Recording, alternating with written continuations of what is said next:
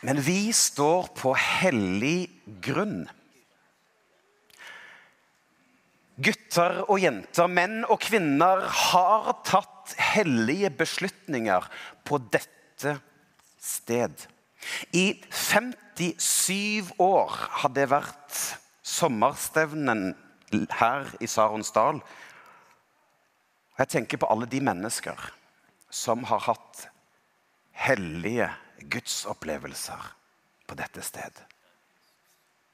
Som enten har tatt imot Jesus eller funnet kallet i sitt liv. Fått justert kursen. Fått inspirasjon. Blitt utfordret til å leve for Jesus i hverdagen. Og jeg blir rørt over å tenke ikke på hundrevis, men tusenvis av mennesker som har blitt berørt på dette sted. Vi står på hellig grunn. Og kanskje du i salen her, eller du som da ser på skjerm, at du òg har vært på dette sted og møtt Gud. Og det har forandret noe i ditt liv. Og for noen av oss har det vært skjellsettende for resten av livet, det vi opplevde på dette sted. Men så har jeg lyst til å snakke ærlig om livet i dag. Fordi at det er jo òg slik at man kan ha fått store opplevelser som har betydd mye på dette stedet, men så har kommet hjem, da. Hjem til sitt hjem, sitt nabolag, sitt arbeid, utdannelsessted. Og den hellige beslutningen som han tok, den, den har blitt så mye svakere. Flammen som han kjente her på dette sted, har blitt så mye svakere. Så kjenner man på dårlig samvittighet og kjenner at det var så fantastisk å kunne være der. Og så kjenner man på nederlag når man er hjemme. At det man så frimodig sto og proklamerte, det har på en måte rent ut i sand. Kanskje du er en av dem? Eller pandemien. Altså Gjennom disse to årene så har du sett at før pandemien så var du så brennende. Og du hadde disse gode vanene. Du kjente at du var på riktig spor. Men så kommer du her i år, og så har ting blitt så, så mye svakere. Du kjenner at du er tom. Du kjenner på nederlag. Kanskje du er en av dem. Eller kanskje noen her inne som for noen få år siden kjente at livet var så godt, men så har det kommet utfordringer med helse, med økonomi, Nære relasjoner har blitt vanskelige. Kallet som var så brennende, er nå blitt borte. Kanskje du er en av dem. Jeg har lyst til at vi skal gå til Guds ord sammen og Jeg har lyst til å gå inn i en tekst som jeg håper kan være med å inspirere deg i den tid vi lever i i dag. At vi kan få lov å speile våre liv inn i Bibelens bok. Du kan få lov til å slå opp hvis du har med deg Bibel eller på mobil. Jeg skal lese fra Hverdagsbibelen. Ja, teksten kommer på skjermen, men det er noe at du kan få lov til å ha Bibelen foran deg. Første kongebok, kapittel 18.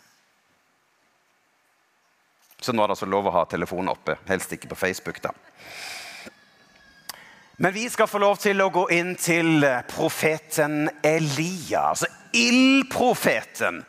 Han som fikk lov til å se at Gud sendte ild fra himmelen og fikk lov til å være på et hellig sted hvor Gud virkelig virket. 450 Baal-profeter skulle konkurrere mot profeten Elia. Og disse 450 Baal-profetene de danset og de hinket og de hoppet rundt da dette stedet. Men ingenting skjedde. Elia, som eh, så frimodig bare Altså, Guden deres ligger kanskje og sover. Må, dere må rope enda høyere. Dere må bare danse enda mer. Men ingenting skjer inntil Elia, frimodig, skal få lov til å gå fram. Han sier 'hell vann på offeret'. Hell litervis med vann på alteret, på ilden, på steinene rundt.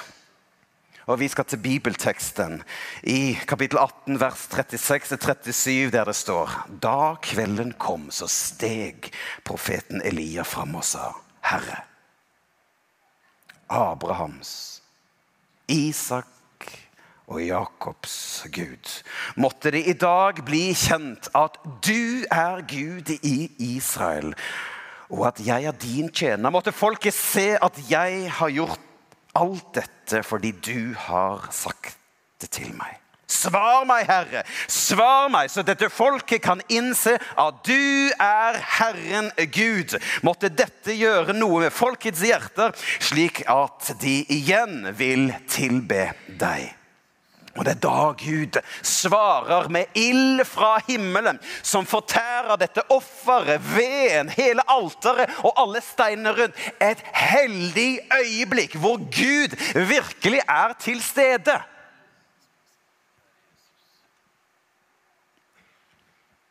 Elias for man smiler. Eller det er ikke sikkert han smiler, for teksten er ganske dramatisk. Fordi han går og dreper alle disse 450 ballprofetene. Så det er jo ikke så hyggelig. Men han smiler over at Gud virkelig griper inn. Og viser at han er den ene, sanne, allmektige Gud. Jeg åpnet innledningsvis med at vi i dag står på hellig grunn. Elia sto på hellig grunn, hvor Gud virkelig fikk vise at han er den han er. Men hva skjer da i Elias liv etter dette store høydepunktet? Jo, vi skal lese videre. For det er at det kan være kort avstand mellom disse gode, høye opplevelsene til nederlag og skuffelser. Fordi i kapittel 19, vers 1 og 2 så står det Ahab fortalte Jesabel alt det Elia hadde gjort. Han fortalte også hvordan Elia hadde drept alle profetene med sverdet. Da sendte dronning Jesabel en budbærer. Nei, hun tørde ikke komme selv, men en budbærer til Elia. Og budbæreren skulle si til ham må gudene straffe meg både nå og siden om jeg ikke i morgen på denne tid har fått deg drept på samme måten som du drepte Baal-profetene. Og da ble Elia redd. Han ble livredd. Altså Han hadde da nylig sett hvordan Gud hadde møtt ham på Karmelfjellet. Og så går det bare noen timer, og så blir han livredd. Hvor ofte er det ikke det skjer med oss? At vi kan plutselig føle at alt raser. Alt rakner. Det kan være en person, et lite feilskjær. En liten hendelse som skjer, som gjør at plutselig så vendes det feil vei. Elia han drar fra sin tjener. Han drar alene. Han drar ut i ødemarken, og han rømmer. Fornuften forsvant. Gudstroen blir utfordret. Han rømte fra Gud. På samme måte som Jonah rømte fra Gud. På samme måte som Gideon tvilte på Gud, på samme måte som Moses kranglet med Gud, på samme måte som Jeremia var nedtrykt, på samme måte som Peter angret etter at han hadde fornektet Jesus.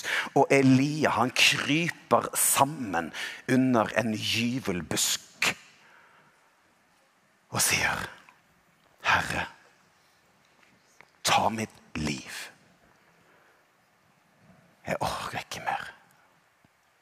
alt.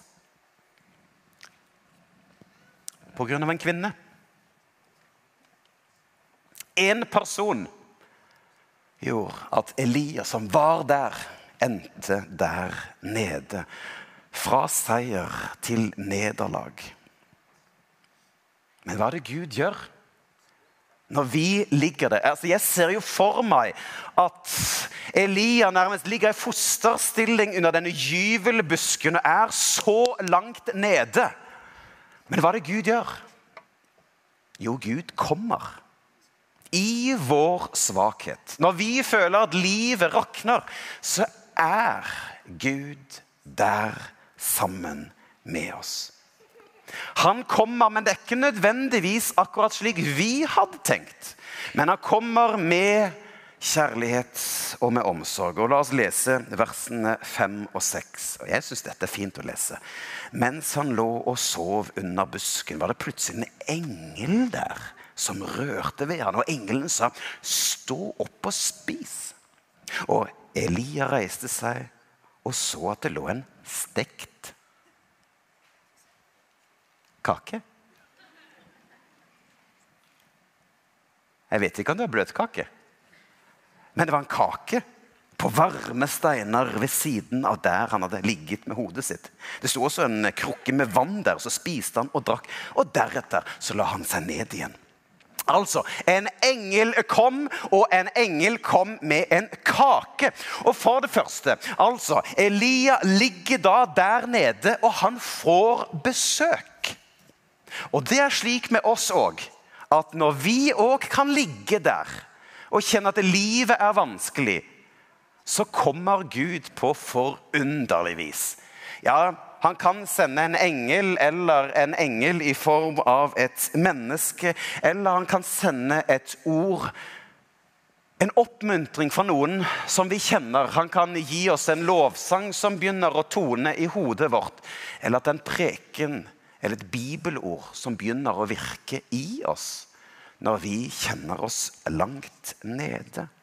Og så for det andre kake. Kake.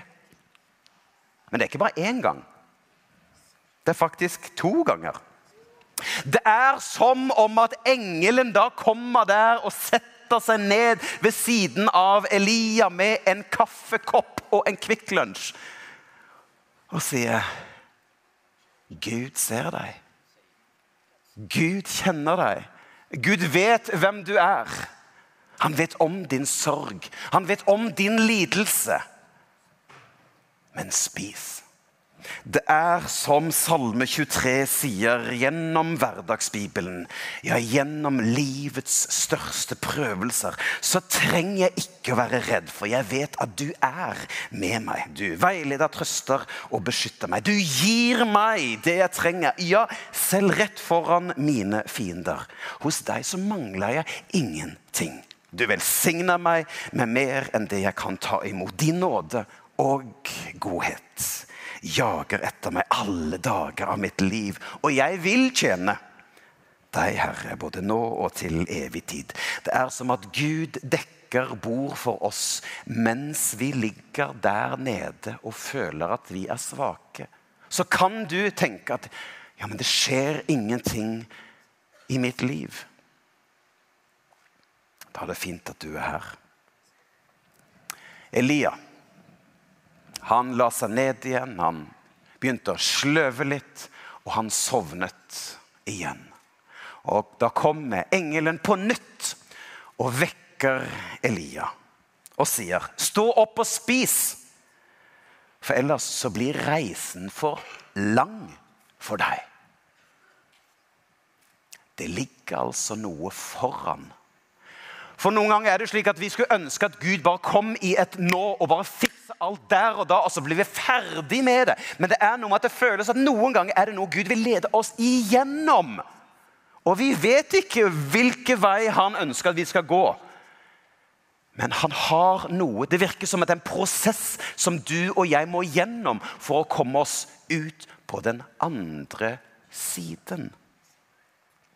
Og Bibelen sier at maten, altså denne kaka, Kvikk Lunsj og caffè latte Det skulle være med å være energi for den reisen som lå foran. Og Bibelteksten sier at det er 40 dager og 40 netters reise. Ja, Av og til så må vi gjennom denne reisen. Jesus selv måtte gjennom denne reisen. 40 dager og 40 netter. Han var ute i ødemarken og ble fristet av den onde selv. Eller vi har eh, Noah. 40 dager og 40 netter var denne sesongen som Noah var i. Eller Moses, som òg var 40 dager og 40 netter på Sinai-fjellet. Det virker som at Gud vil at vi skal gjennom noe for å komme bedre ut på den andre siden. Og så leder da denne reisen fram til Sinai-fjellet. Ja, der hvor Moses òg fikk møte Gud. Og da Elia kom fram til Sinai-fjellet, så sier Gud, 'Hvorfor er du her, Elia?' Elia han svarer, og utbrodere. Ja, men jeg har jo stått på for deg. Jeg har gjort alt for ditt rike. Altså, Jeg har jo virkelig stått i tjeneste for deg. Og nå så ligger jeg her nede. Kom, Herre! Men så kommer da vendepunktet. I vers 11-13. Da sa Herren, gå opp på fjellet. Still deg opp foran mitt ansikt, så skal du få kjenne meg. Og så kom det en kraftig stormvind. Den var så stor og kraftig at den rev fjellene i stykker. Men Herren var ikke til stede i den kraftige vinden. Deretter kom det et jordskjelv, men Herren var heller ikke i jordskjelvet. Deretter så Elia flammer, men Herren var heller ikke i flammene. Og da kom en svak, hviskende stemme. En svak, hviskende stemme. Og straks Elia hørte den, så la han kappen foran ansiktet sitt, så gikk han ut og stilte seg i inngangen. Og plutselig så kom stemmen til ham igjen. En stormvind, men Gud var ikke der. Jordskjelv. Men Gud var ikke der. Flammer. Men Gud var ikke der. For dette er altså hvordan Gud har vist seg. Elia fikk se flammene, Moses med jordskjelv, vind. Jeg vet ikke om dette er teologisk riktig, det jeg skal si nå. Men for meg så virker det som kanskje at denne måten hadde ikke Elia opplevd Gud før. Han hadde sett de store miraklene, men nå kom Gud gjennom en hviskende stemme. På en litt ny måte og berører ham. Så mitt spørsmål er du åpen for at Gud kan berøre deg på en litt annen måte enn det du har møtt ham på før? Kanskje du har sett ham billedlig i flammene, i jordskjelvet. Og det er det du lengter tilbake igjen. Det er slik din Gud responderer til deg. Men kanskje det er noe nytt som Gud har foran deg. Noe nytt han ønsker å vise deg. For når du og jeg kan være i sesonger av lidelse, at vi føler oss tappet, eller at vi føler at livet som var så sterkt, har blitt så svak. Så er vi der Elia var. Men hva sier da Gud til Elia etter Eller i denne hviskende stemmen så sier han Gå tilbake. Kanskje vi noen ganger opplever at vi kommer i en krise, og så vil vi bare framover. Vi vil bare videre. Men nå får altså Elia gå tilbake. Gå tilbake der du kom fra. Han hadde jo løpt fra sin tjener. Men gå tilbake i de sporene som du en gang var i. Men så gir Gud og Elia et trefoldet oppdrag. Og en av de tingene, det var at Elia skulle gå til en mann ved navn Elisha. Som skulle være hans disippel. og skulle lære han opp, trene han og følge da Elia, slik at Elisha kunne være den som drar oppdraget videre. Kanskje det er et ord til noen her i dag. Vend tilbake der du en gang var. Men ha med deg i bakhodet at du skal være med å gi dette videre. Du som sto så frimodig i en tjeneste før pandemien, eller at du kjenner at helse eller økonomi eller relasjoner er i utfordringer. Vend tilbake til der du var, og be om at Gud skal åpne hva han har for deg. Jeg har lyst til at lovsangerne skal få lov til å komme inn. Så hvem er din Elisha? Hvem er din Elisha?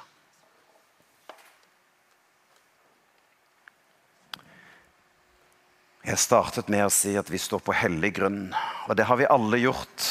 Vi har opplevd at Gud virkelig har virket iblant oss. Så er det noen i dette rom, noen som sitter da der hjemme og kjenner at man er der Elia var. I en hule, føler seg fortapt. Føler at kreften er borte. Føler at troen har blitt så mye svakere.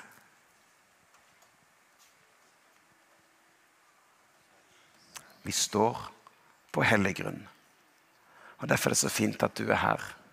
At Gud kan komme og berøre deg der hvor du er. Jeg har lyst til at vi skal eh, reise oss opp, alle sammen.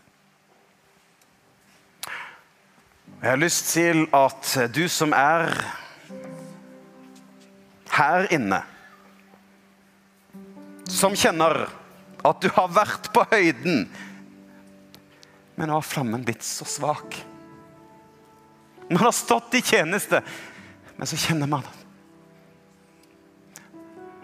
at man er på et helt annet sted enn det man ønsker.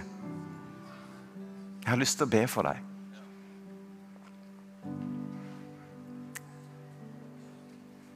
Vi lukker øynene.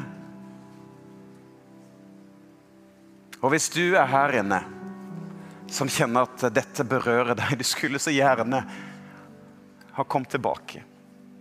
Kom tettere på. Kanskje noen er her inne som har snudd ryggen til Gud. Jeg har lyst til å be for deg der du står. Eller at du er i en prosess hvor du finner at det er for mye mørke i livet. Jeg har lyst til å be for deg der du står.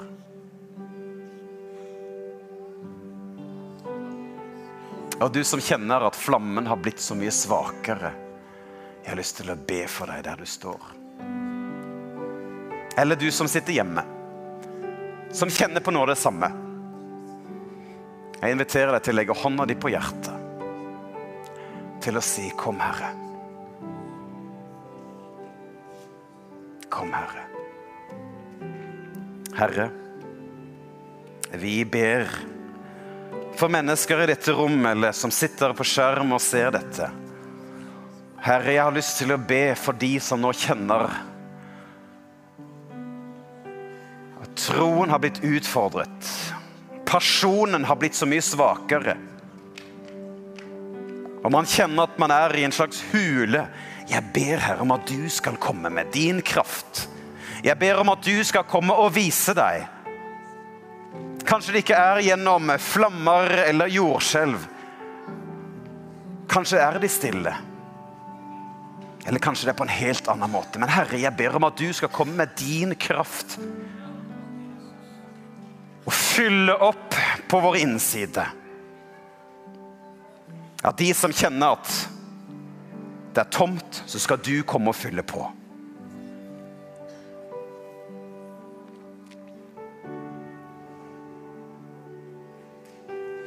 Vi skal gå inn i tilbedelse, lovsang.